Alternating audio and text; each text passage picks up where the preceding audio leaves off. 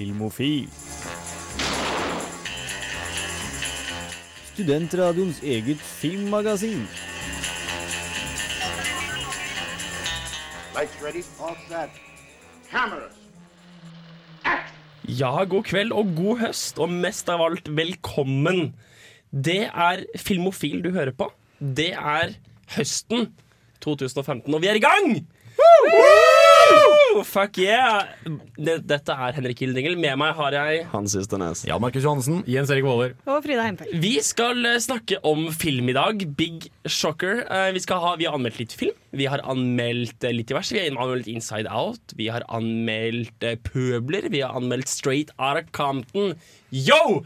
Men aller først så får dere Farside Mexico av Short Skirts. Ja, Ikke at jeg husker helt hvordan vi gjør det her, men eh, jeg synes du husker at det er noe med å prate om hva vi har gjort siden sist. Dette er ikke noen eneste historie siden sist sending, så dere får prøve å ikke tråkke på tærne til noe av det vi skal snakke om senere. Kan jo, er det noen som har noe de har lyst til å si? Hva de har de gjort siste uka, f.eks.? Første, første skoleuke tilbake. Eller hele sommeren, for den saks skyld. Ja, men det føler jeg liksom at vi skal dekke etterpå. Føler du meg? I feel yeah. Ja. Så hva skjer i det siste? Har noen gjort noe pimp i det siste? Hva definerer du som pimp? Nei, altså Han har på seg rosa skjorte. Det er litt pimp. Han er lakserød. Vet du hva, den er lakserød. Den er- Eh, jeg har fått meg ny seng, Nei! og det Wow. er så latt... Ja, men, OK, er, er Kanskje en smule mer filmrelatert. Er jeg Jeg ser mye film i sengen. Oh, ja, ok, ja, men gå. Fordi det er til nå. Fordi Tidligere hadde jeg 90 cm seng, nå har jeg fått 140 fucking centimeter. Wow.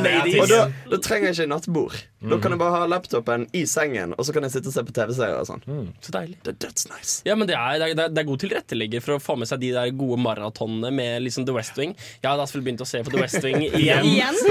Dette er min åttende see-through. Det må jo nevnes at uh, sesong to av Rick and Morty eh, er og går i gang nå. Og det er faen meg Det er bra! kommet fire episoder så Det er så bra. Det er akkurat det vi håpte det skulle være. Jeg bra. har, jeg har faktisk uh, sett én episode av første sesong av Rick and Morty gratulerer. forrige uke, så dette var jo helt riktig. Men eh, jeg blir litt kvalm. Jeg syns det er litt ekkelt når han raper hele tiden. Ja, men, eh, skulle han ikke, var det, jeg mener jeg leste på internett at han skulle rape mindre nå. Det var Det, litt det er to ting som Jeg har sett en serie med venner, og det er to ting som freaker folk ut. Det ene er at eh, Rick raper hele tiden. Det andre er pupillene til de figurene. For de er sånn De er knøttsmå. De er sånn knøttsmå sånne stjerner Sånn, ser ut som de øh. For de som ikke har fått med seg hva vi snakker om, snakker vi altså om uh, Adult Swim, er det ikke det? Jo. Serien mm. Rick and Morty, som handler om eh, det handler om en mad scientist og hans familie. Mye tidsreising, mye aliens, mye weirde ting. Og det er laget av annet Dan Harmon, som har laget eh, Community. Så det er en serie som må sjekkes ut. Definitivt. Uh, andre nye ting Jeg har egentlig ikke sett så mye nytt i sommer. Jeg har hovedsakelig sett gamle ting og liksom chilla litt. En serie som er på vei til å avsluttes nå, er jo Scream, TV-serien til MTV. Ja vel. Har den gått i sommer? Eller? Den, har, den har gått i sommer, men jeg lurer på om den akkurat er avsluttet nå. Uh, jeg har ikke sett de siste episodene. Uh, men den er knallbra. Er den det? Ja, Er den knallbra hvis du lik, altså, er den knallbra kun hvis du liker skrekkfilmer og kan le av det, eller er den knallbra generelt? Mer det første. Okay. Altså det, det, er jo, det er jo en MTV-serie på godt og vondt. Uh, altså Det er jo sånn uh, altfor mye soundtrack hele jævla tiden. Ja. Oh, Og, og det er sånn det flasher opp hva som avspilles, og av og til så er det litt sånn Nei! Kødder du med meg? Nei, nei. Så, så det er sånn, av, av og til så kommer det sånn rare situasjoner hvor typ, noen har dødd og alle griner og er triste. Og så kommer det sånn Now playing! Uh, something Seriøst? something by something something. Check out their singles on. Seriøst? Holy shit! Men, men, men, men, men det er gøy, for altså, altså, Scream-serien har jo hele tiden hatt den her litt sånn derre til tider litt for mye sånn selvanalyserende. Litt sånn ha-ha, vi har et litt sånn eh, glimt i øyet-forhold til skrekkfilmsjangeren og sånn. Og den på en måte har de klart å overføre veldig fint til det at Scream-filmene begynner å bli noen år gamle. Uh, og på en måte oppdatere det til liksom sosiale medier og sånn.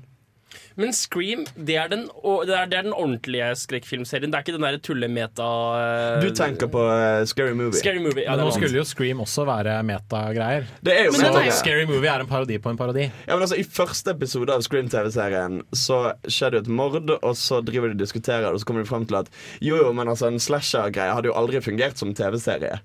Så det er litt sånn ha-ha-ha, Ja, get it. og på den en anelse, på den en anelse prompelyduthørende Nei, det er feil.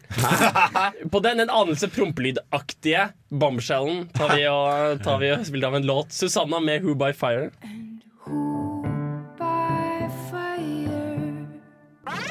Filmofil gir deg nyhender fra filmen og fjernsynets i spanende vær.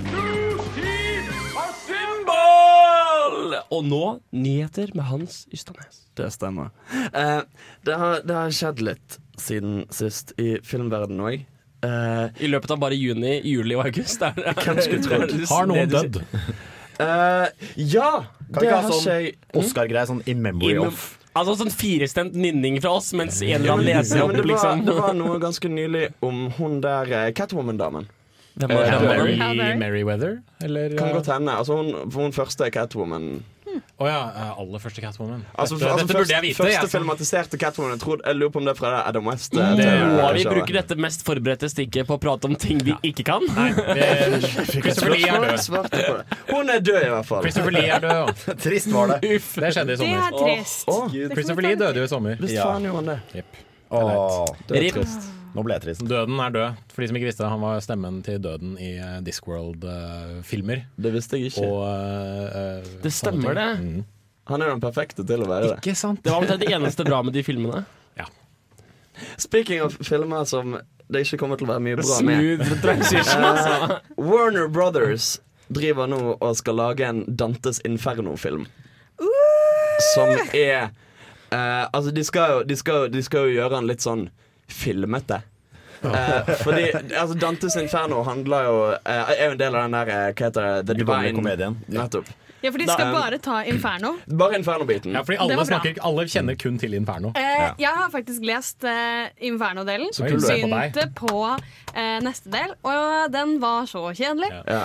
Og så kommer himmelen, og det er jo ikke gøy i det hele tatt. Så da Men altså, greien er at de, de skal gjøre den litt sånn uh, Litt sånn amerikansk. Fordi um, det det skal handle om, da, er at da han er Dante-fyren, og så dør kvinnen han elsker.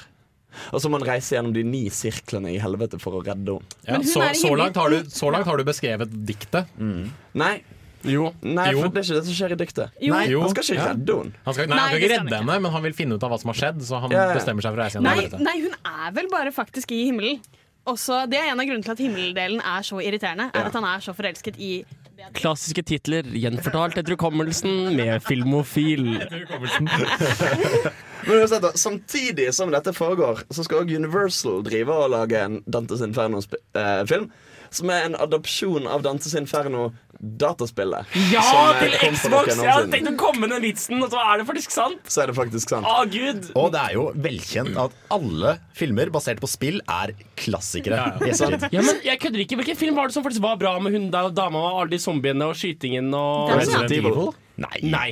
Det- jo, det var det stedet jeg tenkte på, kanskje. Men med den der rommet med lasere som kutter alle Ja, det er Resident. Evil. Det var bra filmer. Nei. Jo, Nei, jeg nei, likte nei, nei, Resident nei, Evil. Det er bare fordi Mila Jovovic er med Ja. i de andre det. Det var det Det, det altså, uh, jeg syns Prince of Persia-filmen er, en god- Den var ok. det er en god film, men det er egentlig bare en live action-utgave av Aladdin. Så den pass, altså, Det er liksom Ja, det er basert på et dataspill. Det har litt til felles med et dataspill, men det har enda mer til felles med Aladdin. Så det er liksom, Så Warner da, da Brothers- den litt unna. Warner Brothers skal bruke masse penger på å lage noe vi tviler på at det blir bra. Eller du kommer selvfølgelig til å tro at det er bra. Selvfølgelig. Det bør, Jeg også, gleder meg. det bør også nevnes at i dette dataspillet så er Satan siste boss, og uh, han har en enorm penis som driver, Som heng- som, som driver og slenger og dingler mellom beina hans mens du slåss mot ham. Så jeg håper det er med i filmen, for det hadde vært kjempegøy. Dantes Inferno ble laget for å i markedet støtte opp etter God of War, som Ja. aldri kom til Ja. Xbox. Stemmer det. Kommer de andre en God of War-film, så kommer de til å gjøre det mye bedre enn De, de har snakket om det en stund, men jeg tror det også er et sånt prosjekt som de bare sier hele tiden sånn Ja, det kommer snart, det kommer snart, og så skjer det aldri. Har du en avsluttende kul kommentar for nyhetssplittingen? Uh, det blir kjempekult, baby. Det, det var så kul som jeg klarte å bli på kommando. Um, Miles Teller, vår favorittskuespiller, Din. min favorittskuespiller, Er er, det fordi han blir slått i Whiplash?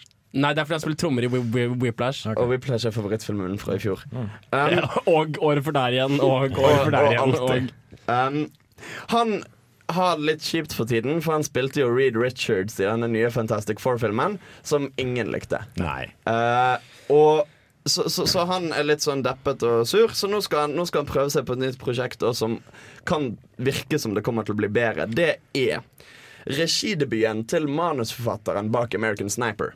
Som skal hete Thank You For Your Service. Å, gud. Tipp hva den skal handle om. Å, faen.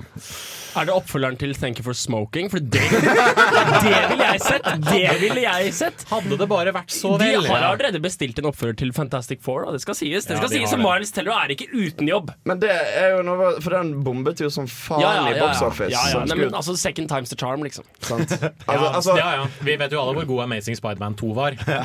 Den forrige Fantastic Four 2.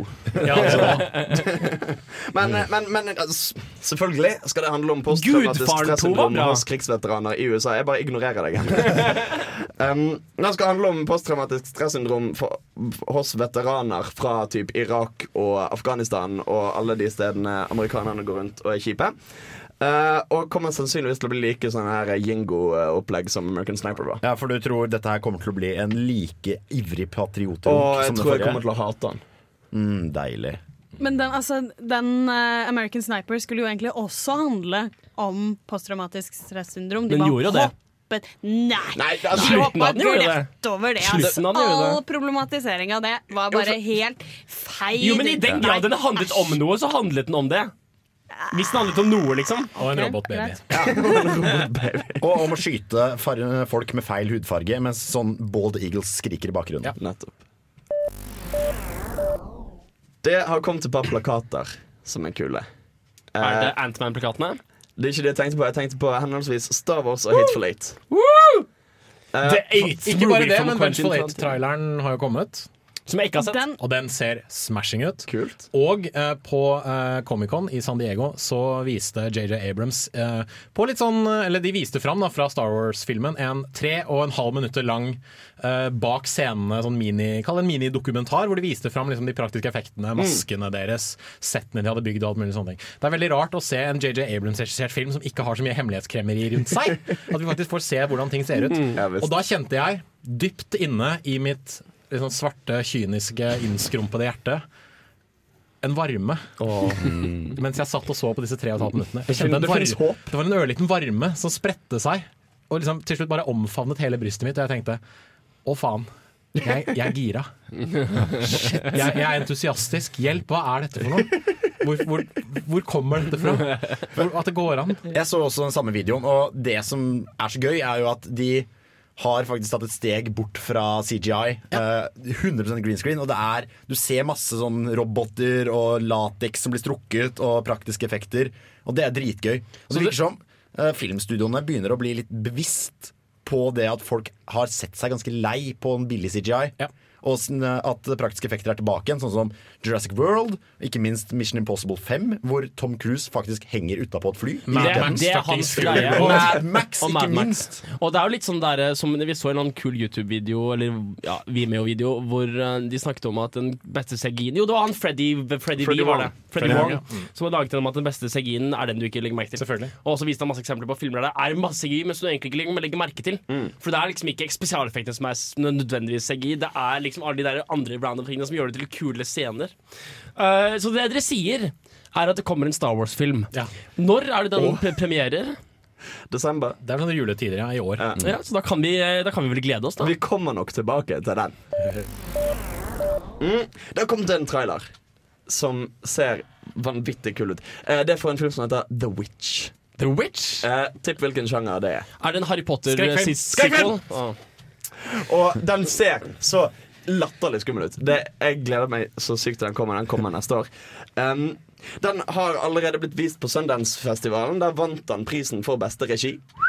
Og eh, altså, altså Den skal foregå da i kolonitiden i, i Amerika, og en fyr som blir jagd vekk fra bondegården sin, og så setter han opp en ny bondegård.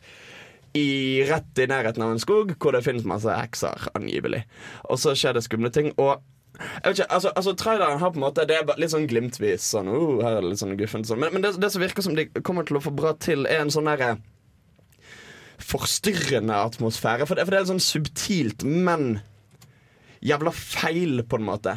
Altså, altså, jeg, men, jeg, men, ja, men Du ser det av, av og til med sånne ting som på en måte er litt sånn utypisk horror. For eksempel En av de ekleste scenene jeg kan huske fra en film noensinne, er uh, The Last King of Scotland. Altså filmen om Robert Mugabe. Um, Idi Amin er det selvfølgelig. Hallo. Um, hvor hun ene damen Alle, ja. Har. Ikke dere sett det? King? Jo, jeg har sett den. Okay. Uansett, uh, for der får hun ene damen hogd av armene og beina og byttet de om. Altså, oh. Hun får føttene sydd på armene og armene sydd på beina. Og det ser så idiotisk ekkelt ut. Og det, og det er på en måte Det, det, det er et eller annet med at det er så det, det, er så, det er så forstyrrende og feil. Jeg liker, Og at, du- jeg liker at du beskriver det som litt feil. En uhyggelig atmosfære. jo, jo, jo, men, jo, men, jo, men det er ikke sånn, det er ikke sånn Oogedy boogedy boogedy, her kom en eh, Sant? Det, det er litt mer sånn uhygge. Og nei, nei, altså, det er visstnok vettskremte anmeldere og filmfolk på Sundance. Eh, så jeg har troen. Vi skal ta og høre en låt av Rick Ashtray som heter Kops. Hvis du ikke har kommet så langt som å trykke på like-buttonen på Facebook-siden vår, så er dette dine uh, 1 minutter og 42 sekunder til å gjøre det på. Du er på Radio Revolt på Filmofil. Vi er inne på temaet nyheter, og før noen andre rekker å si det Ryan Gosling sin eh, erkerolle Deadpool ble også lansert på årets Ryan Reynolds. Reynolds. Ryan Reynolds, Ryan Gosling en annen person. Yes. Ryan Reynolds uh, På årets uh, San Diego Comic-Con ble det lansert en, eh, en, eh, en trailer fra hans Deadpool, og jeg har vel håp om at det kan bli bra. Jeg må innrømme at Jo mer jeg ser av den filmen, jo mer skeptisk blir jeg. Og det er sånn den, den kommer til å fungere. Uh, teaseren var dritbra når det blir liksom Oi, vi liker et visst de kuleste footage ever fra dette production-tingene vi prøver å få til. Kjempestor internettmasse rundt å få det greiene til å skje. Det fikk funding, nå blir det en film. Og jeg kan ikke for meg noen andre være bedre i verden enn Ryan Reynolds til å gjøre dette her. Problemet med en rollefigur som Deadpool er at han hele tiden skal bryte denne fjerde muren. Ja. Fordi, for de som ikke vet det, han er, uh, Hans greie er at han er klin gæren, og han vet at han er i en tegneserie. Ja. I filmen vet han at han er i en film, så han snakker noen ganger direkte til kamera og rett og slett bryter ned fiksjonsmuren. Da, Og det har jo jeg si. funket for, eh, for House of Cards, holdt jeg på å si. Jo da, Men, definitivt. det, men det er ikke for komedisk Nettopp. effekt. Og uh, Deadpool er også sykelig opptatt av populærkultur. Uh, han har sånn 15 forskjellige personligheter oppi hodet sitt, så han kan være En dag er han en kaldblodig morder, en annen dag så er han en klovn. Det kan bli både veldig spennende og også fryktelig irriterende å se på hvis han utelukkende skal komme med sånn kleine, dumme replikker. Så de vi håper, Men det skal sies at de fikk til eh, TV-spillserien sånn noenlunde OK. Sånn halvveis har jeg hørt at det kan være litt, litt kult. Den, altså, den, den, Deadpool-spillet. det Deadpool-spillet har jeg hørt at det kan være litt kult. Så Fem av ti gamer.no. ja, såpass dårlig. Ja, er Undertegnede anmeldte Det er veldig så- sånn ca- Ja. catchphrase-morsomheter. Ja, det er problemet eh, med en, sånn, med en sånn figur. Han kan være veldig morsom i tegneseriene, Fordi da kan du, du kan legge så mye selv inn. Mm. Men når de da skal presentere han i et spill eller i en TV-serie eller i en film, så kan mye av det liksom falle litt bort. da Men uh, en trailer er bare en trailer, og ferdig film er ferdig film. Så det kan bli, Ja. kan bli Jeg har håp. uh, det jeg ikke har noe håp for, er den nye Zorro-filmen som skal komme. Snakker du om? Det skal Det kan komme bli så bra! en ny Zorro-film. Antonio Banderas, Catherine Zeta-Jones, dette må jo bare eie. Nå tenker du på den gamle Zorro-filmen? Ja, ja. Hvor skal, den denne, denne Zorro-filmen foregå? Du, den skal foregå i en postapokalyptisk nær framtid. Kødder du meg? blir dette Zorro Fury Road. Det gøy, det gøye er Mad Zorro. de som lager filmen, er så sykt optimistiske på dette. Oh, er nei. sånn Every generation has a great Zorro movie. So we're gonna adapt it to them. Og, og de bare Og er, det, er, det Zorro noe, now with zombies. Yes. er, det noe vi har er det noen vi har hørt om som skal være med i den? Det er veldig lite som vites om man antar at det blir noe av. Dessverre. Uh, så, men, men det blir ikke bra. uh, og så Det kommer jo en film som heter Masters of the Universe. Som er en filmversjon av He-Man and the Masters of the Universe. Jeg kan anbefale den originale Masters of the Universe med Dolph Lundgren som He-Man. Ja! En veldig homoerotisk eh, He-Man må nevnes, men eh, Jo, jo, men det er, det er, det er, det det var ikke originalmateriale. Nei, ikke sant? Nei, definitivt ikke. Men Men er, det, er, det, er det en del av et annet Cinematic Universe? Er det Marvel eller DC eller et eller annet? Nei, dette Nei. er ingenting. Nei, det, det er separat. De bare tenkte hei, disse nostalgifilmene gjør det veldig veldig bra. Eh, la oss lage en ut av He-Man. Se hvor bra det gikk med Vi snakket om de filmene for sånn tre år siden. Så. Det er, det er godt å for at det endelig blir noe av. Dere skal få lov til å høre OK Kaja med Damn Gravity. Oh, gravity. Damn gravity. For et program i burra med både klasse og stil. Du hører på Filmofil. Ja, eh, det er vel på tide med litt anmeldelser her i, eh, her i Filmofil. Eh, på vårt mest profesjonelle vis, mye som denne introen, uh, så uh, har vi ikke faktisk laget noen form for anmeldelse. Men vi har derimot sett film, eller en av oss har, har sett Hvem er det som har sett Straight Outta Compton? Det er meg. Hei, Hans. Hei, Henrik. Fortell meg, har du sett en film? Jeg har sett en film. Handler den om Dr. Dre? Den har, blant annet. Eh, den heter Straight Outta Compton og er historien Altså Det er en slags biopic da om uh, rappgruppen Niggers With Attitude. NWA. NWA, som de er bedre kjent. Eh, altså fra, liksom, fra, fra hvor de respektive medlemmene kom fra, og de litt sånn om deres bakgrunn, og sånn til de begynte å skrive sammen, og liksom hvordan de prøvde å komme seg gjennom i, uh, i Kanten? Blant annet. I, i plate, plateindustrien, da. Uh, som var veldig sånn Rapp går ikke an å selge for det. Og, og, og de, de var jo veldig på dette med I filmen omtaler de det som real rap. Altså ikke bare sånn Oh, I'm young, I'm free, I've got street credibility. Um, altså, altså, altså, altså den, den rappen som på en måte gikk på radioen, var veldig sånn sukkersøt og ufarlig. Mens Vanilla Ice. Hva snakker du om? The Message? Mens- The Message er deep. Men poen- Grandmaster Flash, han brought it, OK? Po- Poenget var at NWA kom jo med 'Fuck the Police', og, og, de rappet om liksom gjengbakgrunn og fattigdom og det å være en del av svarte arbeider, arbe- arbeiderklasse i USA på 80-tallet, som ikke var en walk in the park. Akkurat. Eh, og på en måte hvordan de kjempet for å få det spilt på radio, for å på en måte klare å gjøre det eh, kommersielt. Og litt sånn Altså, de tar for seg mye mye politivold, eksempel, og institusjonalisert diskriminering som en møtte på som svart, eh, fattig, ung kis på Det er vel mot slutten av 80-tallet. Eh, og den er, den er knallbra. Jeg koste meg veldig med filmen. Uh, altså For det første, de har funnet folk som er prikk make på NWA i sin ungdom. Er det Altså- sånn at sønnen til Ice Cube spiller Ice Cube? Og det er ikke umulig, for han er prikk lik. Ja, det er, jeg, tror det er det som er greia. skjønner du Det, er- Ja, det har blitt en sånn spøk på, på Reddit og Imgur at uh, han for, uh, for sånn 20 år siden bestemte seg for at han uh, måtte lage en film om seg selv. Så Mm. han pulte kona si så de kunne få en, få en unge som var lik han. Men jo, jeg tror det er sønnen til Ice Cube som Ja, okay. ok. Ice Nei, Cube. men det forklarer seg For de er så like. De ser, det, de ser helt ut som unge versjoner av Dr. Dre og Ice Cube og Eazy-E og alle de andre som jeg ikke har hørt om. Um, altså det, det, Filmen har fått litt kritikk, for det er jo en del ting de ikke har med. Altså For eksempel eh, Dr. Dre og konebanking, eh, som han var litt på, som de har valgt å spole litt forbi i filmen. Av, eh, jeg leste litt rundt, og det, og det er på en måte Det er ikke bare sånn eh, hvitvasking av eh, historien at sånn, vi tar ikke med de ubehagelige bitene. For det er de faktisk litt på. De er litt tøffe på det at de klarer å framstille seg sjøl i litt dårlig lys innimellom. Det er ikke sånn Eight Mile hvor du bare ser sånn Eminem bare sånn Så gjorde jeg det, og så disset jeg han kjempebra, og så var jeg den kuleste i hele verden. De har på en måte klart å unngå den, da, som føles veldig ærlig. Eh, selvfølgelig, nå kan det jo hende altså, altså, Jeg kan jo ingenting om hiphop eller NWA fra før, Enten at jeg har hørt de kuleste låtene. Dette er litt sånn verdens hviteste gruppe snakker om. Jo, jo. eh, Men det kan godt hende at liksom fans kan komme og sånn Ja, dette er ikke helt sånn det var, og sånne ting. Men for meg virket det veldig overbevisende. Du må liksom ikke være en konnoissør for å få noe ikke. ut av dette Nei, nei, men det er litt sånn Al altså, Jeg koste meg veldig med filmen, selv om jeg ikke er noen hiphop-person. Så som en spillefilm så holder, ja, ja, den ja, seg. absolutt. absolutt Og han er jo veldig sånn Det er litt klisjeer Altså, du får litt den derre det som alltid er i sånne her Rise and Fall-filmer. Hvor det er sånn Å, det begynner litt sånn vanskelig, og så blir det kjempebra en periode, og så kommer det en knekk. Det, det blir til tider litt forutsigbart, men det er jo basert på liksom, virkelige hendelser, så litt sånn må det jo kanskje være.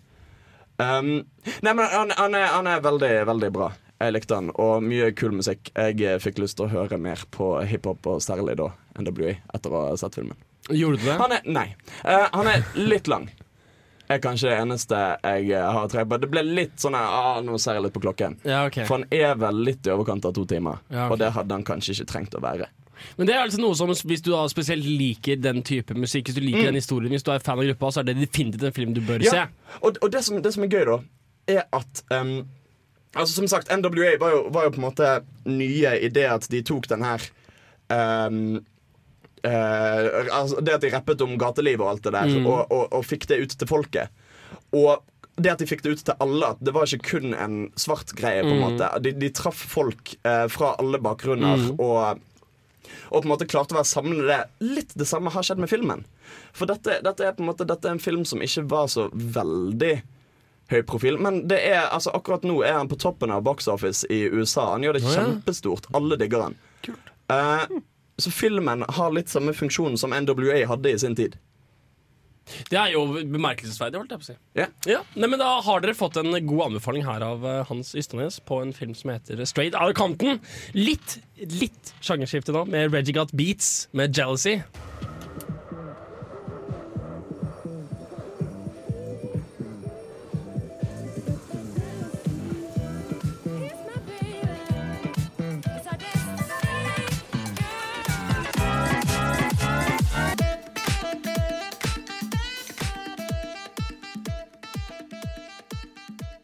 Og vi valser videre her i Filmofil. Du hører på Filmofil, og vi filmofile filmofilerer om film her på Radio Revolt. Nå skal du få en liten anmeldelse om pøbler med Jan Markus Johannessen. Jan Markus Johannessen, du har vært og sett eh, Pøbler-filmen. Det har jeg. Som handler om Som handler om, hva skal jeg si I motsetning Jeg håpet du skulle si pøbler. Det var det så fint. Det var det som var oppsettet her, Jan Markus. Ja, men ball. Jeg har en plan. Fordi Hans har pratet om uh, The Rags to Riches Story, som er NWA.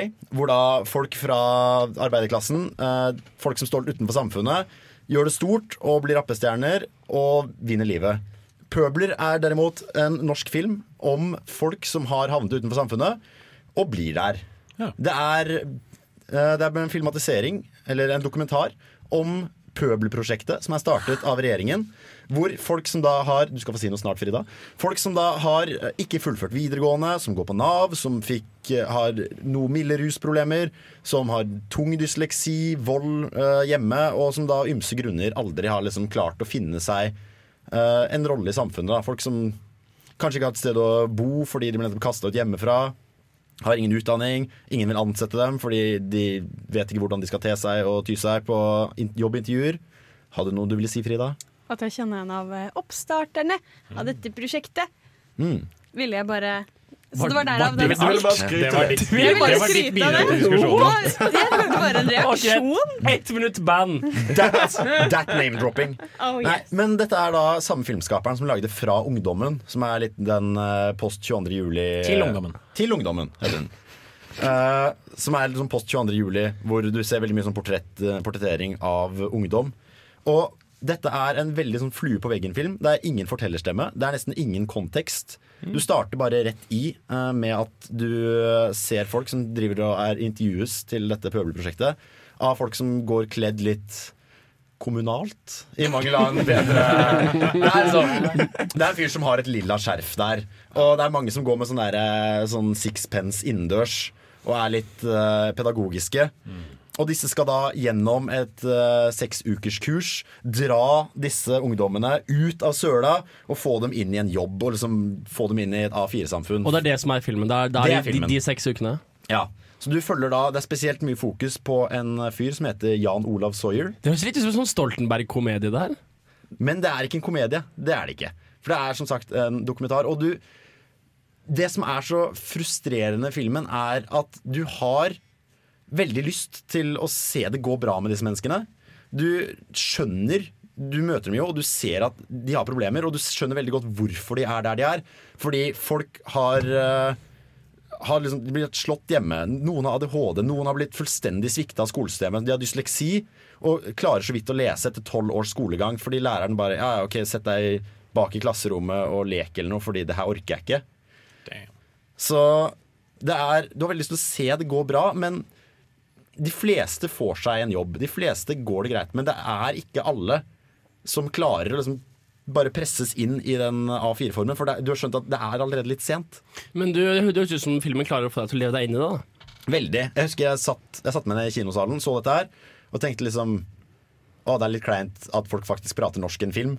Men eh, så går det veldig over. Etter hvert så blir du veldig grepet av karakterene, og plutselig har det gått en halvtime, og så har du bare glemt hvor tiden Men er, er det en kinofilm eller er det en NRK-dokumentar? Nei, det er en kinofilm. Det er det. Hvordan, Hva er forskjellen? Fordi jeg, jeg ser virkelig bare for meg en NRK-dokumentar. Altså. Hva er det som gjør det til en kinofilm? Er det liksom Den går på kino, er vel det første. Nei, det er ikke nok. Det er, forskjellen er vel at her er det som sagt Det er ingen kontekst. Det er ingen introduksjon. Det er, de bare nevner Pøbelprosjektet, og så viser de rett og slett bare det de har filmet. Det er ingen story mellom, det er ingen hopp i tid. Du må bare forstå ut fra den der fluen du er på veggen, hvordan disse menneskene har det, og hvorfor de er der de er. Og du får også se veldig to sider av den samme sak. Du kan omtrent smake den derre Smake den innestengte, sure lufta som er full av kaffe og svette. Nå har du også jobbet i statlig jobb i årevis, så du kan leve deg godt inn i det. Men det virker jo som, det høres ut som den her står veldig i stil til, til ungdommen, som også hadde den samme flue på veggen-greia helt Mm. fram til 22. juli skjer, og filmen må ha en helt annen tilnærming til, til materialet sitt. Men uh, der også var det jo at du, du kastes rett inn i det, og så må du bare finne ut av det. Det er liksom ikke noen tekstplakater som forklarer deg noe som helst. Det eneste du får av kontekstualisering, er gjennom intervjuer og gjennom ja, filming av, av disse folka. Så er dette en film man eh, skal se? Jeg ville sett den veldig uh, Egentlig mest, ikke for filmens del, men bare for å få en forståelse for hvordan folk som har havna utafor, har det. Og bare rett og slett sympatisere litt. Så det er, det er, det er en god dokumentar? Ja. Ja, ish. Det er det. Ish. Ish. Jeg ville sett den. Du vil sett den? Vi skal snart anmelde Inside Out, den nyeste Pixar-filmen, som Bård Ræstad sa Dette er antakeligvis den beste Pixar-filmen jeg har sett noen gang. Og det skulle jeg sitere, det skulle jeg sitere han på. Kontekst har ingenting å si. Nei, nei. Eh, dere får Ratatat med Cream On Chrome. Det er ingen ny låt, men det er en fin låt. Håper jeg du, du, du koser deg. Så mens eh, tidligere nerdepratprater Bård Ræstad syns dette var den beste filmen noen gang gitt ut av noe filmstudio, er det vår egen, eller ikke lenger, men tidligere Filmofils egen eh, Hva var det du het igjen? Jens Erik Våler. Som har anmeldt Inside Out. Har du Eller Innsiden ut, som den også heter på norsk. Ja, fordi du så den i 3D med norsk tale. Jeg så den i 3D på norsk tale. Jeg har veldig veldig lyst til å se den igjen på engelsk, Fordi da tror jeg du får med deg en god del ordspill og en del litt sånn eh, Nyanser sånn. nyanser som kanskje ikke er med i den norske utgaven. Men vil, vil du bedde introen noe, no, noe mer? jeg vil rett og slett bare si at den norske utgaven fungerer helt greit. Så hvis du kun har mulighet til å se den norske, så kan du se den. Do you ever look at someone and wonder what is going on inside their head? Ahem. Uh-oh, she's looking at us. What did she say? Sorry, sir. No one was listening. Når Pixar Animation Studios annonserer ny film, venter filminteresserte verden over i spenning. Svært få produksjonsselskaper har klart å skape så genuint gripende og gjennomført gode filmer som Pixar. Og deres nyeste film, 'Innsiden ut', er definitivt intet unntak. I'm joy. This is sadness. That's anger. This is disgust. And that's fear. We're Riley's emotions. We're what make Riley Riley. Look out! Get off of me! Nice job keeping it subtle, anger. My pleasure, Joy. Innsiden ut er en film om følelser og hvordan de styrer livene våre. Historien følger Riley Andersen, en 11 år gammel jente fra Minnesota, og de fem følelsene som bor inne i hodet hennes. Glede, sorg, frykt, vemmelse og sinne. Disse hjelper Riley med å skape minner, former personligheten hennes og påvirker hvordan hun reagerer på ulike situasjoner. For det meste har det vært glede som har styrt Rileys liv. Men når jentas familie flytter til San Francisco, blir ting litt mer komplisert. Sorg begynner å bli en langt mer fremtredende og aktiv følelse, som gjør tidligere lykkelige minner veldig, veldig triste. Under en krangel blir glede og sorg sendt vekk fra kontrollrommet i Rileys sinn, mens vemmelse, sinne og frykt febrilsk forsøker å holde ting på stell i deres fravær. Glede og sorg må lære seg å jobbe sammen for å komme tilbake til kontrollrommet før Rileys personlighet blir fullstendig utslettet. What happened? Sadness? She did something to the memory. Is everything okay? I don't know. Take it back, Joy. Trying. Joy, no, Let's wait. go. The core memories. No.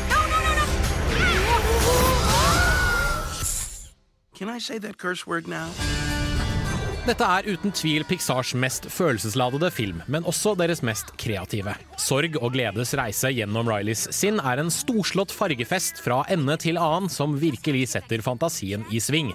Abstrakte konsepter som langtidsminne, fantasi, underbevissthet og drømmer blir visualisert på det sedvanlige lekne Pixar-viset, vel gjennomført og visuelt prangende. Filmen er verdt å se kun for det visuelle. What do we do now? Nothing's working. Why isn't it working? We have a major problem. Oh, I wish Joy was here. We can fix this. We just have to get back to headquarters. That's long-term memory. You could get lost in there. Think positive. Okay. I'm positive you will get lost in there. Men heldigvis er det en slående godt fortalt historie som er det sentrale i filmen. Forholdsvis kompliserte temaer presenteres på en ganske enkel og forståelig måte. Og selv om dette er et historieforløp vi har sett før, gjør det egentlig ingenting. Glede må lære seg å gi fra seg kontrollen over Rileys liv, mens sorg forsøker å finne sin plass og funksjon blant de andre følelsene. Samtidig ser vi også at Riley får en helt ny hverdag å forholde seg til, med ny skole og nye mennesker rundt seg. Alle er situasjoner vi kan kjenne oss igjen i, både som barn og som voksne. Dette kan være grunnen til at Innsiden ut treffer såpass godt. Dette er en personlig reise, både for filmens rollefigurer og for publikum, og filmen oppfordrer til refleksjon rundt hvem vi er, hvordan vi har blitt sånn, og hvilke følelser vi gir styringen i visse situasjoner.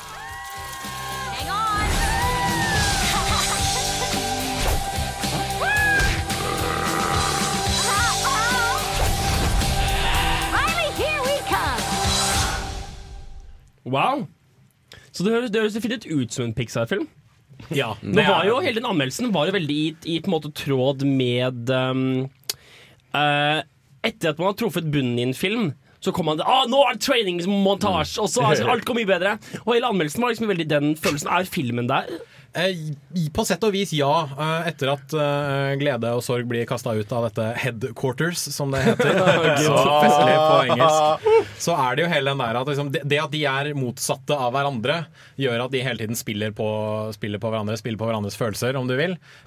Og det er en, det er en typisk sånn emosjonell reise at en av dem må treffe bunnen på et eller annet tidspunkt. Og siden sorg allerede er veldig apatisk, veldig lei seg, så er det jo da selvfølgelig glede som må jekkes ned et par 15 hakk før da eh, alt heldigvis eh, ordner seg. Men er dette da en sånn to parallellhistorie mellom holdt på å si, hodekvarteret og, eh, og utsiden, da, som Yes. liksom kommer, kommer parallelt? Ja.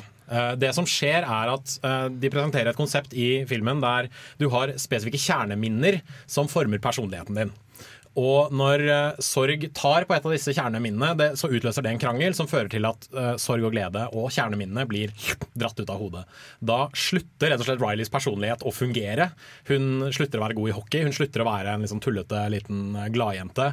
Hun uh, begynner å forråde vennene sine, hun begynner å lyve for familien sin. Liksom. Alle disse tingene bare kollapser. Da. Mens, mens frykt, sinne og vemmelse prøver liksom å styre ting. Sånn som glede ville gjort det, men fordi de ikke forstår glede, de forstår Mm. kun sine egne følelser, så klarer liksom ikke å, å få det til. Da. Så Riley blir, hun begynner å bli frekk mot foreldrene sine, f.eks. Er dette, jeg jeg, synes jeg har hørt et eller annet sted at dette, denne filmen blir brukt veldig mye i barnepsykologi og, og veldig mye sånn der ped- pedagogikk, fordi den, den presenterer det så bra. Det, det skal jeg ikke se bort fra. Nå har jeg ikke lest så mye om akkurat det. Men uh, det er en uh, filmkritiker som jeg respekterer veldig mye, som heter Devon Farasi på nettsida Birth Movies Death, som skrev det da filmen kom ut, at uh, denne filmen vil gjøre deg til et bedre menneske. Fordi den oppfordrer til så mye forståelse for hvordan andre mennesker følelsesmessig reagerer på ting. Og ikke, sånn som jeg sa i anmeldelsen, hvordan du selv har blitt den du er da, Mm. gjennom dine følelsesmessige reaksjoner. Uh, og det, det kan jeg for så vidt si meg enig i, for jeg merka litt sånn det, det smetter en del ting sånn i perspektiv, da. Og spesielt hvis du er en person som nettopp har flytta til et nytt sted, nettopp må liksom forholde deg til nye ting på, på Mm. nye måter, og kanskje ser tilbake på det som før var glade minner, og innser at nå er dette litt det er, det er glad, altså det, det er lykkelig, men det er også litt trist likevel. Eh, jeg tror det treffer altså Det vil jo da treffe studenter spesielt godt, kan jeg tenke meg. Uh, og jeg merka jeg opptil flere ganger satt der. Det var, da jeg så denne her filmen, så var det jeg og en annen journalist som satt i salen. Og jeg satt der og prøvde febrilsk å ikke begynne å sippe høylytt. Eh, det rant noen tårer, det gjorde det. Eh, jeg klarte heldigvis å, å holde liksom ulinga til et. Eh, Bård eh, Restad sa jo Han studerer jo i Hamar nå. Mm. Og han sa jo at de så den som en del av fadderopplegget. Eh, de nye studentene gikk og så Inside Out sammen. Og han beskrev jo det som den perfekte filmen for situasjonen. Definitivt. Eh, rett før han sa at det var den nye Citizen Kane.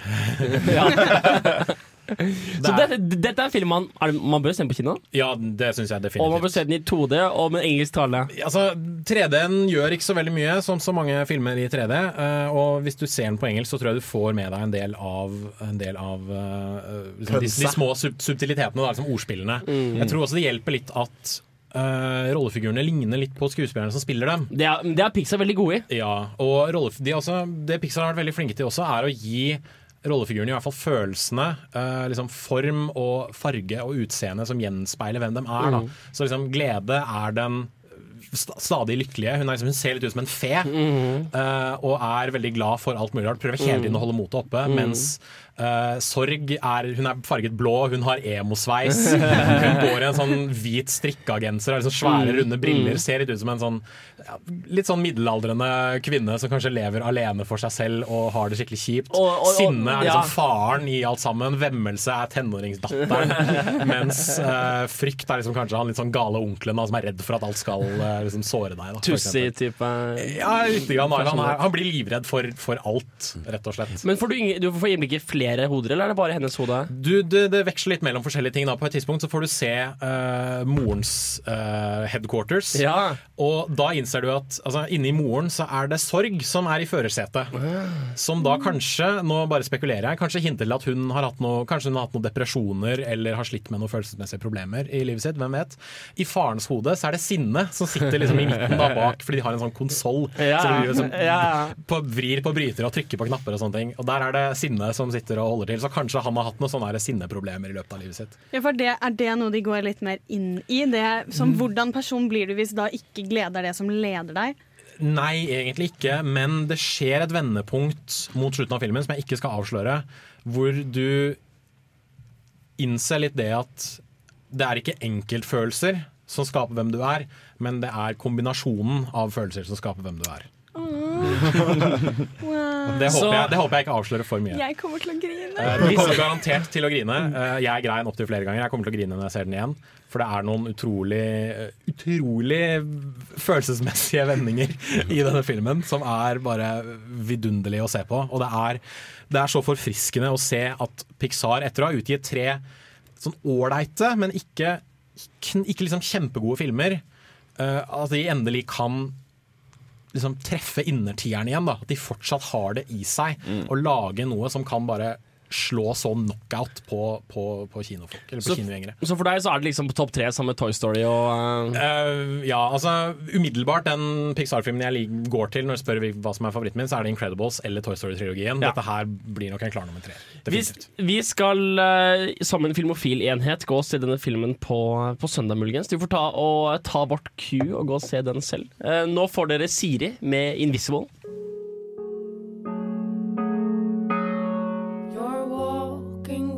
A black carpet up on your shoulders. Og vi er ferdige å prate om anmeldelser her i Filmofil. Vi har også brukt litt tid på å prate om siden sist, og siden det funket like bra som sist vi gjorde, så skal vi fortsette litt med det. Nemlig, hva, hva har vi gjort siden sist? Vi skal dele opp i temaer. Først storfilmer vi har sett siden sist. Ja, for Henrik, som du sier, så foreslo du at vi skulle gå og se en film sammen på søndag. Og det er faktisk noe vi gjør. Vi har sett en film sammen, i går senest. Vi skulle dra og se Inside Out. Ja. Altså det, dere to, altså? Nei, det var faktisk Nei, var med. Hans var også med. Hans var også med. Det var akkurat nok til å kunne kalle det for en film om føler meg visning. litt utelatt, jeg, men ok. Åh. Neste gang, Jens Erik. Vi har sett Mission Impossible 5. Og det var en ganske, Fantastisk. ganske fornøyelig opplevelse. Det var en bra Mission Impossible-film, hvilket ikke er det samme som en bra film. Jo. Jeg legger meg på Jan Markus og sier vet du hva, det er en fornøyelig opplevelse. Er det rart Det du ikke blir tatt med på kino? Det er en fornøyelig opplevelse. deg, Ja, Jens Men det er, jeg vil si at det er en film som er veldig selvbevisst. Den vet nøyaktig hva den er. Ja.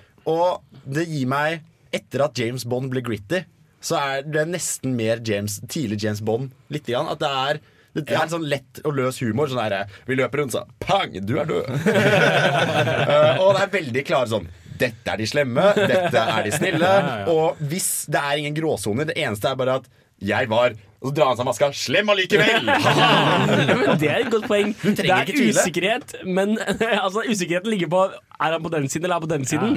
Det er ingen usikkerhet, det er ingen usikkerhet om sidene er sorte og slemme. Det, er, det, er, det er definitivt en snill side av en så en slem Ja. side. Spørs hvilken side du er på. Og så er det, det er fet action. Det er Ja, men det skal de ha. litt sånn som i Fast and Furious. Og så er det utrolig betalt av BMW, men fortsett. Ja. Veldig mye product placement. Litt sånn Windows tablets og sånne greier. Men Nokia-telefoner. Ja, litt den, eh, den Fast and Furious-tilnærmingen til action. Vi gjør det fordi vi kan. Ja. Og det er sånn Fucking Tom Cruise henger utapå et fly, ikke noe CGI. Idet det tar av. I det det tar av. Og det, det skjedde, liksom. Det Og gjorde de. i tilfelle du er, du er sånn som meg og er redd for at jeg skal spoile filmen, og Det se den traileren. Det det har ingenting med filmen å gjøre. Nei. Men har ikke det vært litt av greia med senere Mission Impossible-filmer? Sånn, Tom Cruise kommer og sier Ja. sånn 'Dette stuntet har jeg lyst til å prøve dere.' Og de er sånn 'OK, Ja. vi får prøve å skrive det inn'. Ja. Jeg har lyst til å klatre opp Burj Khalifa. Ok, da prøver vi da oss vi. Da inn en vi scene. det. Jeg har lyst til å løpe skikkelig fort mens en sandstorm tar meg igjen. Ok, da gjør vi Det er det. mye løping i Mission Impossible-filmene. altså, er det en- er det én ting vi har lært av Mission Impossible-filmene, og for så vidt veldig mange andre Tom Cruise-actionfilmer, så er det at Tom Cruise han er, en veldig flink, han er veldig flink til å løpe. Han løper veldig actionaktig. Det som er så jævlig bra med den filmen her, er at den starter og så sitter du der og tenker Jeg lurer på om Tom Der løper han, ja! Den, første, den første scenen du ser Tom Cruise, løper løper han inn i scenen, og så løper han nesten. Han har ikke mye tid på løpet. Ja, nei, Det er definitivt en storfilm. Så det er en god begynnelse, Markus. Det er definitivt en storfilm. Jeg har ikke sett uh, Furious 7, apropos storfilm. Jeg har sett Fast and Furious 7. Okay. Uh, og den Altså, Fast and Furious 6 er bedre. Eh, Furious 7 Kan du rangere alle? Nei, det kan jeg Det er ikke. En... Jeg har sett Fast and Furious 1, 2, 5, Nei, serr- 6 og 7. Serr, rangeringa er én, to, tre Fire, Nei, nei, fem. fem, fire, seks, og så vet jeg ikke hvor syv kommer. Uh, jeg synes i hvert fall uh, Fast and Furious 6 er den beste av de jeg har sett, som er 1, 2, 5, 6, 7. Snak- Bedre enn Tokyo Drift? Hva Jeg har ikke snakker sett du om? Tokyo Drift, um, Men uh, det er litt som ja, de, de har skjønt hva slags, hva slags type film de er, men den bærer veldig preg av at Paul Walker daua halvveis Er ikke det weird at en film bærer så mye preg av at han det her Ja, altså, Den bærer veldig preg av det sånn de siste par minuttene. Da, for plutselig Ja. så er det, sånn, det er sånn toneskift, og det, ja, det, det fungerer ikke helt. Jeg føler at de Fast and Furious 6 er veldig over the top, som den skal være. Og den er, liksom, den er litt cheesy der den skal være det, men Furious 7 prøver å ta det enda lenger, og da syns jeg det ikke helt funker. Og det er jo også veldig- har, jeg tror det har litt å gjøre med regibytte, eller regissørbytte, fordi uh, 4, 5 og 6 var Justin Lin. Som også gjorde Tokyo Drift, hvis jeg ikke tar helt feil. Og um, nå har de fått med seg James Wan, som Ja. er kjent for skrekkfilmgreier. The Conjuring. The Conjuring, blant annet. Og jeg vet ikke om han helt har takla overgangen fra skrekkfilm til actionfilm. For han får skrekkfilm jævlig bra til. Ja. Men Jeg- eh, ikke jeg- helt på actionfilm. Jeg tenker at før eller senere, rundt syv et sted, så må vi nesten nå dette punktet hvor det ikke helt funker helt lenger. Andre storfilmer fra sommeren, har noen sett en storfilm? Beste bilfilmen i sommer var jo selvfølgelig Mad Max Fury Road. Åpenbart. Fury Road. Det er også den beste actionfilmen som har kommet i sommer, vil jeg påstå. Uh, jeg, jeg Jeg fikk energi av den filmen. Eh, jeg, den plukket meg opp, rist, filleristet meg, satte meg ned i kinosalen igjen. Og da jeg gikk ut, så var jeg skikkelig skikkelig gira. Problemet var at de jeg dro sammen med, de ble skikkelig slitne. Også på en god måte, selvfølgelig. Så liksom, mens jeg satt der og var sånn herre Faen, nå nå vil jeg ut og gjøre noe. Nå liksom. lager vi bensinbombe! Ja. Nå, nå vil jeg ut og løpe, nå vil jeg ut og, ja, vil jeg ut og drikke meg Sydens herpefull, ikke sant? Mens de bare sitter der bare sånn åh. Alle ligger på rygg og tar en sigg. Ja, ikke sant? De er sånn derre postfilm Eller Eller postfilmorgasme-tilstand. Jeg er sånn der, faen, eller nå må jeg ut. Men det er uten tvil en av de beste actionfilmene jeg har sett på lenge. Uh, og en actionfilm jeg vil sammenligne veldig mange andre actionfilmer med i tida framover. For jeg det var ja, helt, helt utrolig hvor god den filmen var, syns jeg i hvert fall. Og nå vet jeg at jeg sikkert bygger opp altfor høye forventninger. Oh, nei, nei, nei, nei, nei. nei, men jeg hadde skyhøye forventninger da jeg gikk inn, og ble ble faen ikke skuffet. Nei, den, jeg den fungerer på så utrolig mange gode plan. Og jeg har veldig lyst til å se For i Blu-ray-utgaven så skal det slippes Eller skal få en utgave som er i svart-hvitt med kun musikk. altså Å. uten dialog. Så en lang musikkvideo?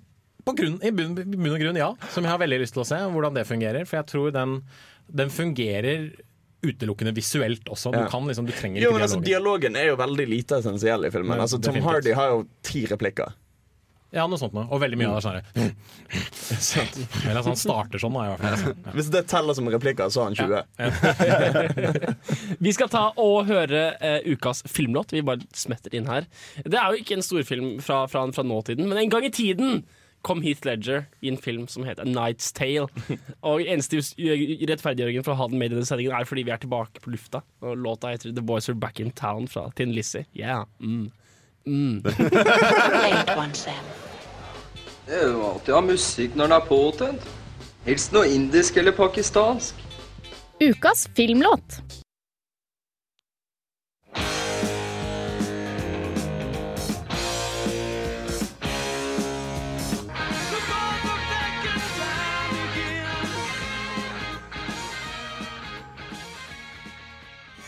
Ja, da håper jeg noen har sett en småfilm eller to siden sist. Jeg har sett en småfilm. Frida, hvorfor, jeg, jeg, synes ikke, jeg, jeg hører deg så godt.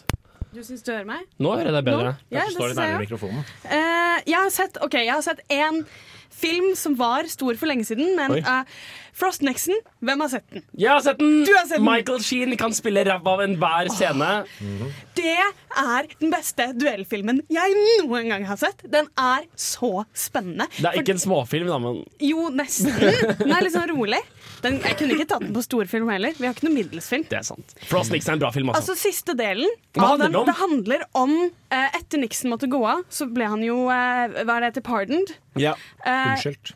Er det ordet? Benådet. Benådet, ja. I hvert fall. Sånn at han måtte ikke eh, Han fikk ikke en rettssak. Og eh, senere så ble han intervjuet av en eh, talkshow-vert, en britisk liksom, fjasete talkshow-vert, som på en måte ble eh, Det ble den sånn sosiale rettssaken, da. Veldig kjent fordi han f.eks. innrømmet Eller han sa eh, jeg, vi, jeg mener at hvis presidenten gjør noe, så er det ikke ulovlig. Som svar på 'har du gjort noe ulovlige ting'? Eh, og, det, og de har laget en utrolig spennende film om liksom, den duellen mellom disse to Mm. menneskene. Eh, og hele siste delen er bare den fram og tilbake, hvordan de to begge har liksom Han ene kjemper for at han skal bli tatt seriøst. Han, han er en ordentlig intervjuer. Han er ikke bare en fjaste talkshow-vert. Og han andre kjemper for å beholde liksom et fnugg av verdighet. Og den dynamikken mellom de to, fram og tilbake, det er så spennende. Funker veldig bra. Det, og det slår alle westernfilmer i den derre I bare Å, ja. Uh, men liksom, det virker som siste halvdel av filmen er bare intervjuet. Hele filmen er bare intervju. Ok, så det, det, er, det er ingen hopp i tid? Jo, jo, jo, altså Filmen er intervju, og så er det nok greit når intervjuet er over og går lysene av. Og så følger de to personene utenom, hovedsakelig Mm. han, eh, han intervjueren David Frost, eller hva han heter. Hvor Michael Sheen liksom spiller denne veldig Playboy-aktige, populærkulturelle in intervjueren. Og hvordan han på en måte kjemper med sitt studio og kjemper med sine folk om å få lov til å gjøre dette han holder på med nå. Og det er liksom veldig, sånn veldig spennende sånn, uh, procedure. Altså procedural, samtidig som du da liksom jevnlig med god takt har disse, disse veldig intense topersonerscenene med intervjuet. ja, for det, De gjorde fire intervjuer, og hvert intervju så har de avtalt hva temaet skulle være. Ja, Så det er første- fire, dager eller noe Ja. på et veldig sånn unknown sånn villaresort sør i Amerika et eller annet sted, liksom, hvor de møtes, og så er de der i fire dager. Eller, Nei, eller de, eh, de bruker litt tid mellom, Ja, så de får bygget seg opp. Og første gangen så blir han bare knust, og han får ikke spurt han noen ting Altså, om Vietnamkrigen. Frost, ja. Mm. Det er utrolig spennende. Så bra film! Se den. Noe andre? Småfilm? Jeg har sett en eh, dokumentar på Netflix. De har egentlig ganske bra utvalg av dokumentarer. Man skulle ikke, ikke tro det, med tanke på hvor mye tid du, du bruker der. Nei, nei, hvem skulle trodd. Men jeg har sett en liten film som heter Buck. Hva er det, hva er det for noe? Det handler om en fyr som temmer villhester. Og det er Det høres veldig ut som en sånn eh, Ok, sånn ponnifilm. Men det handler mye, mye mer om Han har hadde en ganske tung barndom. Jeg tror jeg har sett den. Og den er dritbra. Det handler, det, han bruker da sin livserfaring, og måten han behandler hester på, overføres veldig til, eh, til måten han tenker på hvordan man skal behandle mennesker.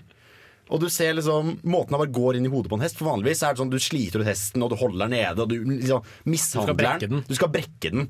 Mens han på en måte bare samspiller med dette her dyret. Og så i løpet av 20 minutter så har han en fyr på ryggen. Og dette ville vanligvis tatt sånn 48 timer, og hesten er helt traumatisert etterpå. Og Er han hestehviskeren? Ja, det er, han er basically hestehviskeren. og han overfører dette her veldig mye til måten man samhandler med mennesker på. Hvor du ser liksom en dame som har en hest som er helt fucka. Og hun har masse sånn ukastrerte Jeg husker ikke hva det heter. Hingster eller noe. Og han liksom bare sånn hvor, Hva er det du prøver å bevise? Og på en måte går bare rett inn i hodet hennes. Bare det å se på hva, hvordan hun behandler dyrene sine. Og hun, hun bare knekker sammen. Han bare han demonterer folk han prater med. Uten å være, Han er kjempesnill. Han er så hyggelig. Mens han tar med datteren sin rundt og reiser rundt og ser disse hestene. Dette er en dokumentar du kan grine til. Liksom. Det var en helt fantastisk fin greie å se på. Høres veldig, veldig kult ut. Jeg er ikke så god på, på doc documentaries. Hans? Ja. em, altså For det første, jeg har sett 40 filmer i sommer. Uh, Vi har dessverre ikke tid til listen. Nei, for, fordi jeg har litt lyst til å snakke om alle sammen, men det skal ikke jeg gjøre. Du kan sikkert uh, gi ut en egen liten podkast, sånn egen liten, liten greie for våre, for våre mer entusiastiske lyttere. Uh, jeg har lyst å snakke om en film. som heter så mye som EdTV. Har det, det høres kjent ut. Woody Den- Harrelson. Woody Harrelson og eh, Matthew McConaughey. McConaughey. Uh, den ble utgitt omtrent samtidig som Truman Show og har et litt lignende konsept, hvor du har um, Uh, Matthew McConaughey sin uh, rollefigur som blir med på et sånt reality-TV-prosjekt hvor han blir fulgt av kamerafolk uh, 24-7, og ting som utspiller seg som et resultat av det. Og det er da Matthew McConaughey før han ble en ordentlig skuespiller. Ja, før han ble stor. Altså, dette var Dette var da, altså dette er flørte, fløtepusperioden hans. Ja, ja. ja. nei, det her var han ingen. Uh, den mest berømte som er med, er Ellen DeGeneres spiller uh, en person.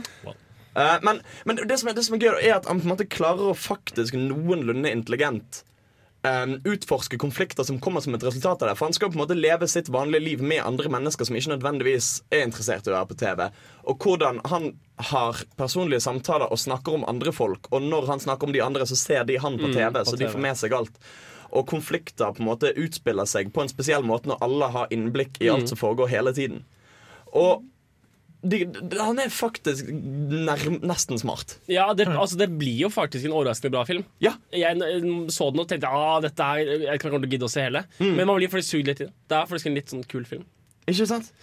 Kan jeg få anbefale en standup før vi gir oss? Uh, Ed, nei, Bo, Bo Burnham er en uh, ung du han standup. Han er, veldig, han er veldig morsom. Han har to specials. What og Words, Words, Words, som jeg anbefaler varmt. Kan jeg komme med en anbefaling? Ja. Eh, Småspionerfilmene. Nei! Jeg tror vi skal ta uh, Nei, spille en du, låt. du, du, Uh, du, Gå du, og heng Henrik, deg. Jeg binget alle fire i sommer. Og det er en sånn første- den er absurd, verst, absurd kreativitet som kun en gal, gal mann kan komme opp med. Altså, du får sånn Altså, selvfølgelig, De er ikke sånn superbra, men du klarer aldri å gjette hvor det skal gå. Nei, det er sant. Det, jeg koste meg i hjel med de filmene. Den første er ikke så verst. Til og med fireren er bra. Altså, fireren har Spy Baby Og Jessica Alba. og Jessica Alba. Jeg tror vi skal ta og høre på låten Og um, han er fyren fra Community. Ja, Jeff Winger. Jeff Winger. Jeg tror ikke det er det han heter i virkeligheten. Nei, nei, det er ikke det han heter i Åh, Gud. Dere skal få Sam Smith med Lay Me Down Flume remix.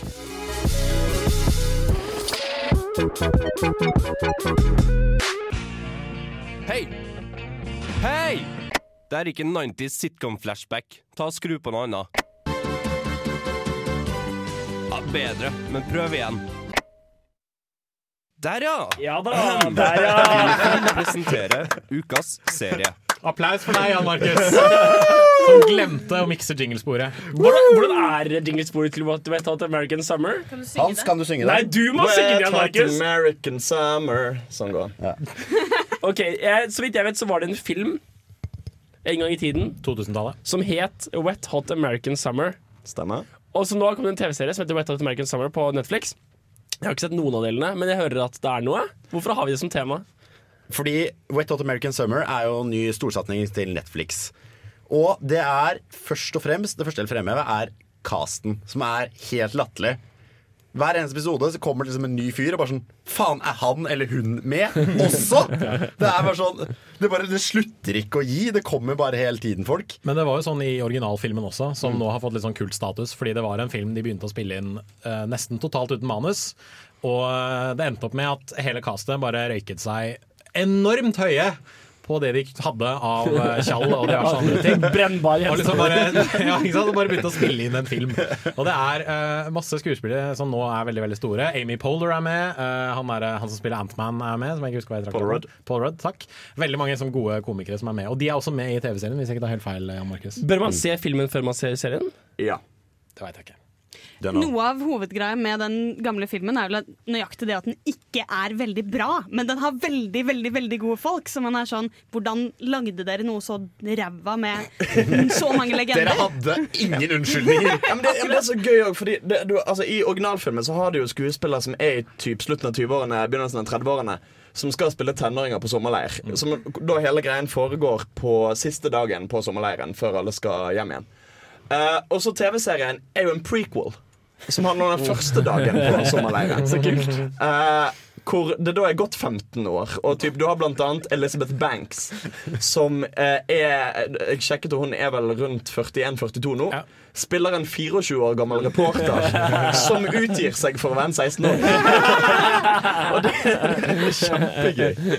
Men det er så jævlig morsomt å se folk som så dette her de, Hvis de hadde spilt serien da de faktisk var den alderen de spiller å være, så hadde den foregått på 80-tallet, hvor, mm. hvor handlingen foregår. Så det er liksom Det er som om vi venter til vi er 40 alle sammen, og så spiller vi en eller annen sånn millenniums eh, sen 90-tallsserie.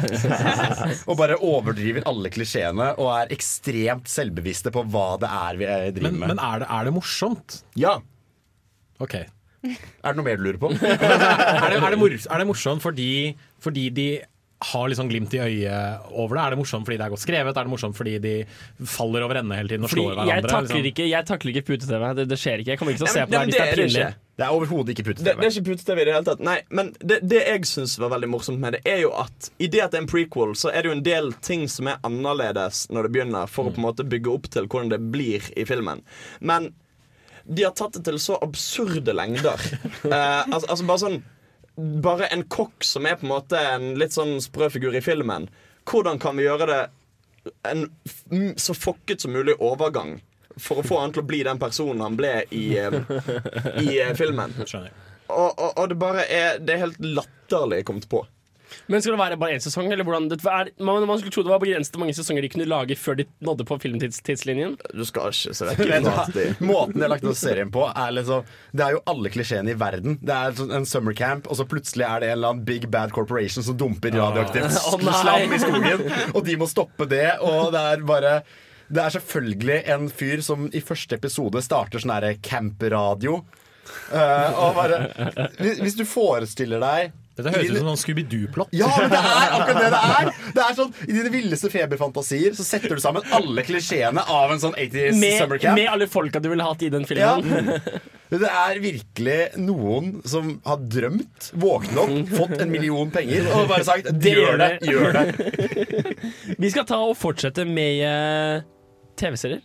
Men aller først skal vi høre Hoodboy med 'Shallow' her på Her nevnte jeg det, Filmofil. Vi, ja. Du har nevnt det nå. Ja, Rad, Radio Revolt. Godt jobbet. Eh, rakk jo å eh, like oss på Facebook i sted, forresten? Fordi nå har du, du har tre minutter Tre og et halvt minutt på deg nå. Da kan du både gå på toalettet og ja, Hvis det er podkastklippen, så er det ikke så mye mm. Du kan trykke Du på kan, men hvis pause. du, hvis du hører på podkasten på f.eks. telefonen din eller, Ja, eller iPoden din, så er det bare å ta den med når du går på do. Pass på at du har den i lomma, så du ikke mister den oppi doskåla. Ja, den er- den er kjip, det skjedde nesten med meg en gang. Jeg klarte heldigvis å slå telefonen vekk og inn i veggen uten at skjermen knuste. Det var 30 sekunder med introtid. Nå får dere musikk på Filmofil på Radio Volt. ok?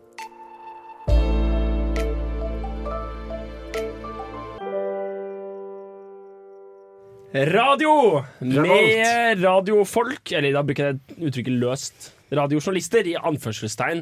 Vi har også sett TV-serier i tillegg til storfilmer og små filmer. Så har vi sett TV-serier, altså serier på TV, eller, eller på, på, på, på nett. Eh, Jeg har sett eh, The West Wing. det nevnte Aaron. Sorkin-serie fra 90- til 2000-tallet. Du har til og med snakket om den før i programmet. Hva med Sports Night? En Aaron Sorkin-serie fra, fra 90-tallet. Nei. Studio 60 Live on the Sunset Strip. Anyone? Jeg likte Nei. den serien. Den var dritbra, ikke sant? Ikke sant? Jeg har sett Sopranos. Med! Matthew Perry. Jeg har begynt på Sopranos. Jeg kommer helt inn i Sopranos. Verden, eh, verdens tregeste person, kanskje, Ja. som begynner på Sopranos nå.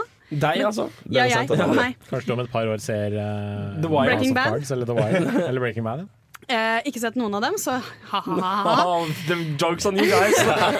That'll show them. Men den er, den er jo skikkelig bra. Bare, Overraskende.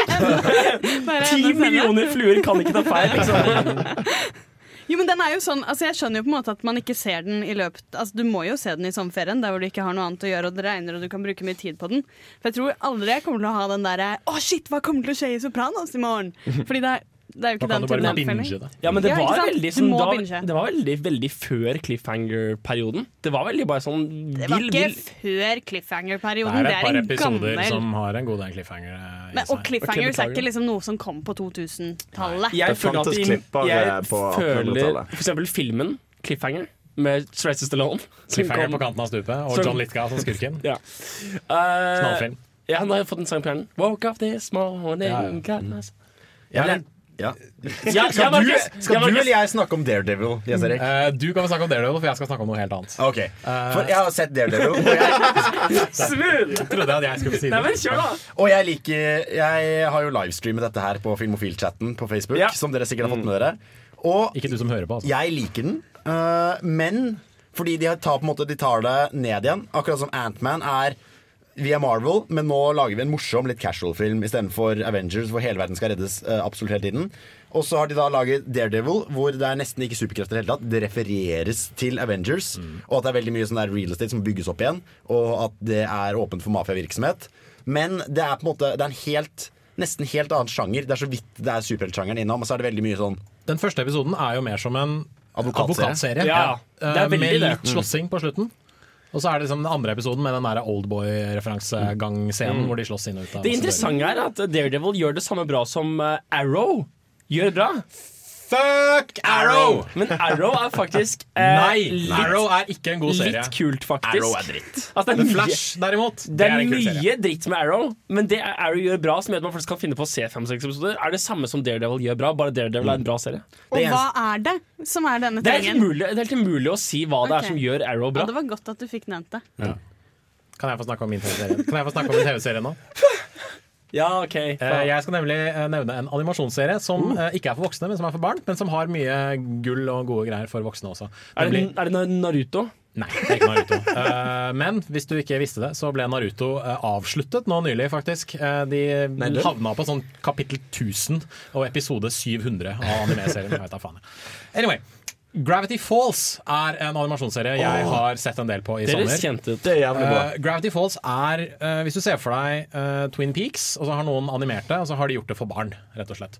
Det handler om eh, tvillingene Mabel og Dipper Pines, som blir eh, sendt eh, for å besøke sin uh, grandonkel Stan, eller Grunkle Stan, som de også kaller han, som eh, eier et, eh, et slags sånn spøkelseshus, en turistattraksjon, i eh, byen Gravity Falls.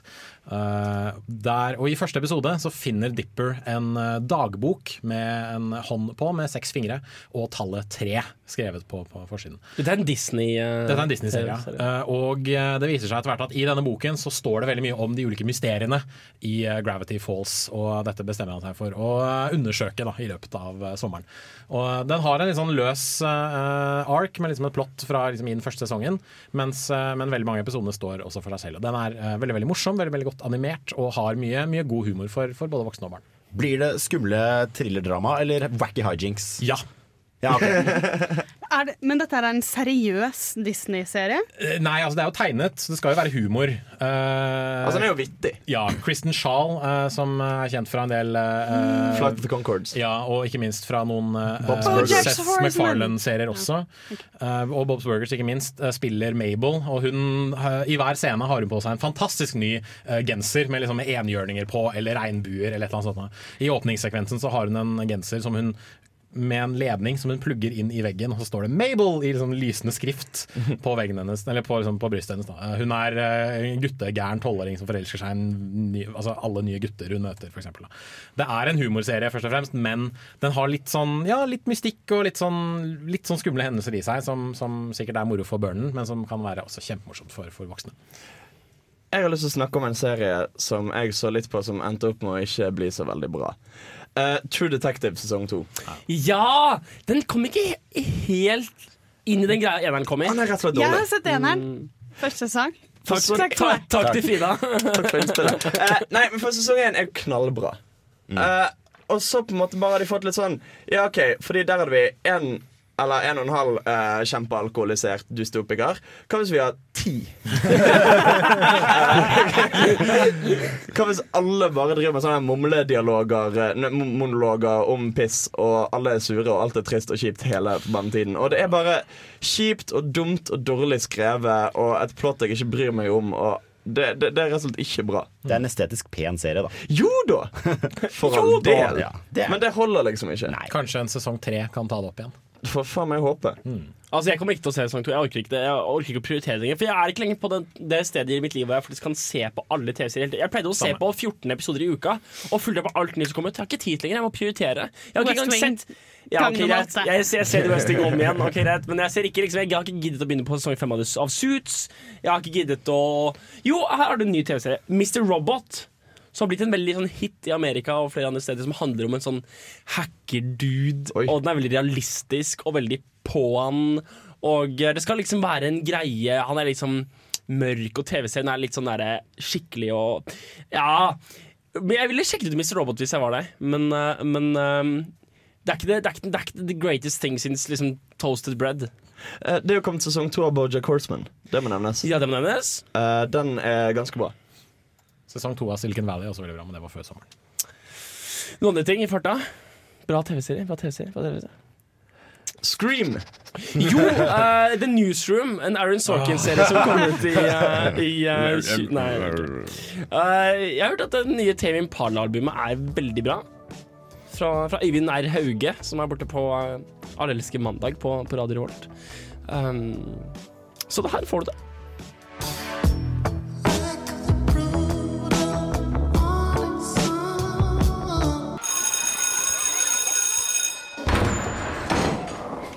Be no foolish wand waving or silly incantations in this class. No, okay, that's it for the day then. Today we have a similar debate over this. Anyone know what this is, class? Anyone? Anyone? Anyone seen this before? Ukens hjemmelekse. Det er ikke fordi vi har hatt en hjemmelekse denne uken, men bare fordi Kristine Eriksen laget en så fin jingle som jeg har lyst til å høre på. Det skal sies at vi kommer til å gi en hjemmelekse, og neste ukes tema er katastrofefilmer. Uh, Hvorfor det? fordi eh, det, det kommer en film på kino som heter Bølgen. Som er en halvveis storbudsjett norsk eh, film som eh, Hans Ystadnes skal se og Ja, anmelde. Og faktisk antageligvis lage en uh, PR-produsert anmeldelse til. Um, og kanskje du får se den på dusken.no også, hvis, hvis Jens Erik gjør jobben sin. Um, det skal jo sies, enda viktigere enn det, er at uh, apropos katastrofe, vi i Filmofil tar opp Uh, det er opptak i Samfunnet. Så hvis du går inn på samfunnet.no opptak, så kan du søke til å bli radiojournalist i Radio Revolt, altså Studentmediene AS. Så det burde du gjøre altså hvis du liker å prate på radio, hvis du har lyst til å være med i Filmofil, hvis du har lyst til å være med i et annet radioprogram, hvis du har lyst til å starte eget radioprogram, da må du nesten bli med i et program og så vente et år. Ja, i hvert fall. Uh, det er mange morsomme ting å gjøre i studentmediene. Det er mange morsomme ting å gjøre på Samfunnet. Så um, Det anbefales. hvis du hører denne episoden om to år, så er det opptak om uh, en bitte liten stund. Og så bør du søke på samfunn.no opptak. Det anbefaler vi varmt. Ja, det var neste ukes hjemmelekse. Det var opptaket. Har jeg glemt noe? Hvilken film er hjemmelekse? Å ja, stemmer! Det var det, da. Armageddon.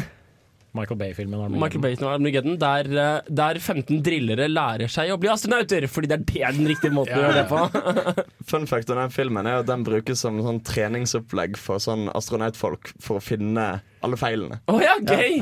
Du, du skal se den, og så skal du skrive ned alle, alle scientific mistakes og alt som ikke hadde gått an eller ikke stemmer. Jeg, jeg, en, en, Det liker jeg. Jeg, jeg, jeg hørte en sånn her directors commentary hvor Ben Affleck snakker om at han en dag spurte han Michael Bay Du, hvorfor Hvorfor er det lettere å få drillefolk til å dra til space enn å få spacefolk til å drille? Ja. Så sa Michael Bay shut the fuck up. Det høres ut som Michael Bay. Eh, vi har anmeldt uh, Pøbler. Det var en veldig verdt dokumentar å se. Vi har anmeldt Straight Outta Compton, som var en ikke-dokumentarfilm, men litt mer biop- biopic, bortsett fra at den overser litt ting. Knall verdt å se. Men enda mer knall enn det er Inside Out, eller Innsiden ut, som også Overraskende nok er en film du burde få med deg på kino. Terningkast seks hvis Filmofil fortsatt har terningkast. Nei, det gjør vi Det ikke. gjør vi ikke, så stryk det. Nei, Det, det, klipp, det klipper vi ut. Ja, ja. Men nice try, though. Det har vært eh, Henrik. Jeg vet at dere ikke Hans. klipper det ut. Ja, Markus. Jens Erik. Frida! Og vi takker for oss med This Is The Kid med Bashed Out på Filmofil. Det var Filmofil med, på Radio Revolt. Bare fra liksom Å jo, li- lik oss på Facebook. Ok, greit. Ha